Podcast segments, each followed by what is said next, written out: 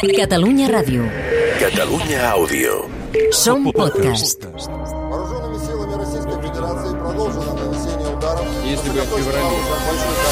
La guerra al dia.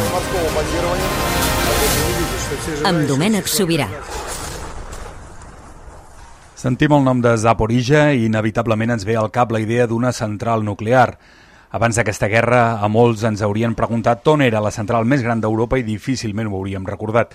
Però aquestes associacions també porten a confusions i no hi ha res com viatjar al lloc sobre el terreny, que ens agrada dir als periodistes quan podem sortir, no hi ha res com això per aclarir dubtes. Com passa a molts oblasts o regions d'Ucraïna, Zaporizhia és el nom de la regió i també el nom de la ciutat capital d'aquesta regió.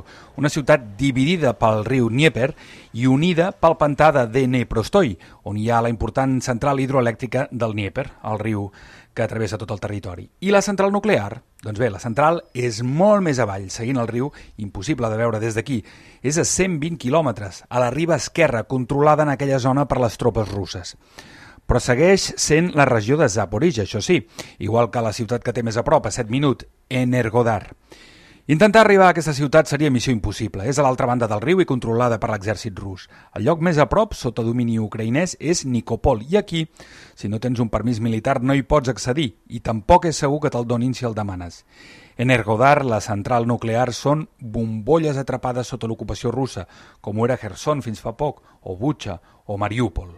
Ну, з 53 тисяч, якщо брати до De les окупаційний період, то 53.000 залишається persones que hi десь havia abans de l'ocupació, s'hi han quedat unes 15.000. En general són persones grans, que no poden marxar per raons evidents, perquè són al llit, per exemple, o altres persones vulnerables, o treballadors de la central nuclear, que van evacuar les seves famílies i van tornar per mantenir el servei.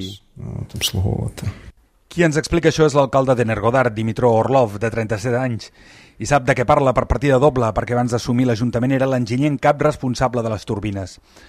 Evidentment, no som a Energodar, som a la ciutat de Zaporija, on s'han refugiat la majoria dels que van fugir de la ciutat quan les forces russes la van ocupar. Orlov, assegut en un petit i humil despatx desproveït de qualsevol mena de decoració o sofisticació tecnològica, ens explica que també podria haver marxat en aquell moment, però no ho va fer. Tu recomanació de Cabulà... Recomanaven marxar quan van entrar, però jo entenia que si sortia de la ciutat no podria dirigir les institucions que quedaven, que s'ensorrarien. Però finalment vaig acabar marxant a finals d'abril. Les últimes dues setmanes van anar a casa meva, em buscaven. Ja no hi vivia, però tampoc podia contactar amb ningú i la meva feina era totalment ineficaç. De fet, diu que se sent més útil ara aquí. La feina que fa és més efectiva.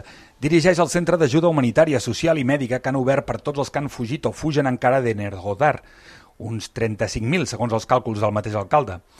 Poden haver anat a qualsevol lloc, però molts són aquí, a la seva capital. El centre és a la planta baixa d'un edifici vell i desengelat. És ple de caixes a la sala principal, al passadís que recorrem i a les habitacions que entreveiem. Algunes de les caixes porten el símbol de les agències de Nacions Unides, altres evidencien noms d'organitzacions humanitàries diverses. És fàcil d'imaginar que dins hi ha productes de primera necessitat, d'alimentació, d'higiene, d'abric...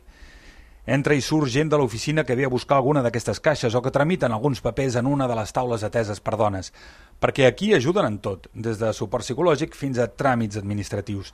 Drets a la sala també hi ha un grup d'homes que semblen desvagats. Un d'ells, després ens ho diu, era regidor a l'Ajuntament. També va haver de fugir perquè els ocupants el buscaven. Potser no és estrany semblar desvagat, desorientat, apagat, si d'un dia per l'altre has hagut de deixar tot allò que conformava el teu dia a dia. Energodar en ucraïnès vol dir el do de l'energia. Es va construir el 1970 per acollir i donar servei als treballadors de la central, una mica com es feia abans a les colònies de les fàbriques tèxtils. Si a la ciutat hi viuen unes 50.000 persones, 11.000 treballen a la planta nuclear. Bé, hi viuen i vivien abans de la guerra. Tot i que molts també s'hi han quedat, per responsabilitat, els treballadors. La central ja no genera electricitat, està aturada, però necessita energia per mantenir en funcionament el seu sistema de refredament. Moscou ha portat enginyers i experts propis, però els sistemes ucraïnesos no són iguals que els russos i només el personal entrenat pot gestionar la planta amb seguretat. És a dir, els treballadors que viuen a Energodar. Per això aquí al centre, a Zaporizhia, ara tothom està pendent del que passa a la central. Tots hi tenen amics o coneguts. Tots estan nerviosos per les explosions que s'hi han sentit fa 24 hores. Hi ha hagut més de 12 explosions, segons ha informat l'empresa Energatom, i totes les obres que es feien per posar en marxa la central han quedat interrompudes i el personal està treballant per reparar les conseqüències dels bombardejos. Saben molt bé el que fan ліквідацію наслідків цих обстрілів. Mentre conversem amb l'alcalde, el truquen per entrevistar-lo en directe per una televisió nacional o a través del mòbil. El convoquen a una reunió extraordinària a través de videoconferència i rep una trucada que no desatén. La seva cara és de preocupació tota l'estona, però també de tranquil·litat. Imaginem que en una situació així deu pensar que no es pot permetre perdre el control ni per pressa ni per desànim. De fet, la reflexió que comparteix amb nosaltres sobre el futur de la guerra no deixa gaire marge per actuar d'una altra manera. És un enemic que només entén la força. La missió de l'Agència Internacional de l'Energia Atòmica ha dictat resolucions, però els ocupants no en fan cas. Ni els mandats de les Nacions Unides, ni a qualsevol altre tipus de crides, ni exigències internacionals. Urmug. Tota aquesta gent que és al centre ha fugit dels russos. Quan en parlen no distingeixen si són soldats, si són els polítics, si és el país. Diuen els russos i prou. El primer que hem vist a l'arribar a Zaporija ha estat el barri socialista, una postal real de l'època soviètica. Hi havia una esplanada, en un passeig, amb un parterre buit, on hi havia hagut una estàtua de Lenin de gairebé 20 metres. La van desmuntar tot just fa 8 anys. La Guerra al Dia és un podcast des d'Ucraïna dels enviats especials Domènec Sobirà i José Antonio Muñoz.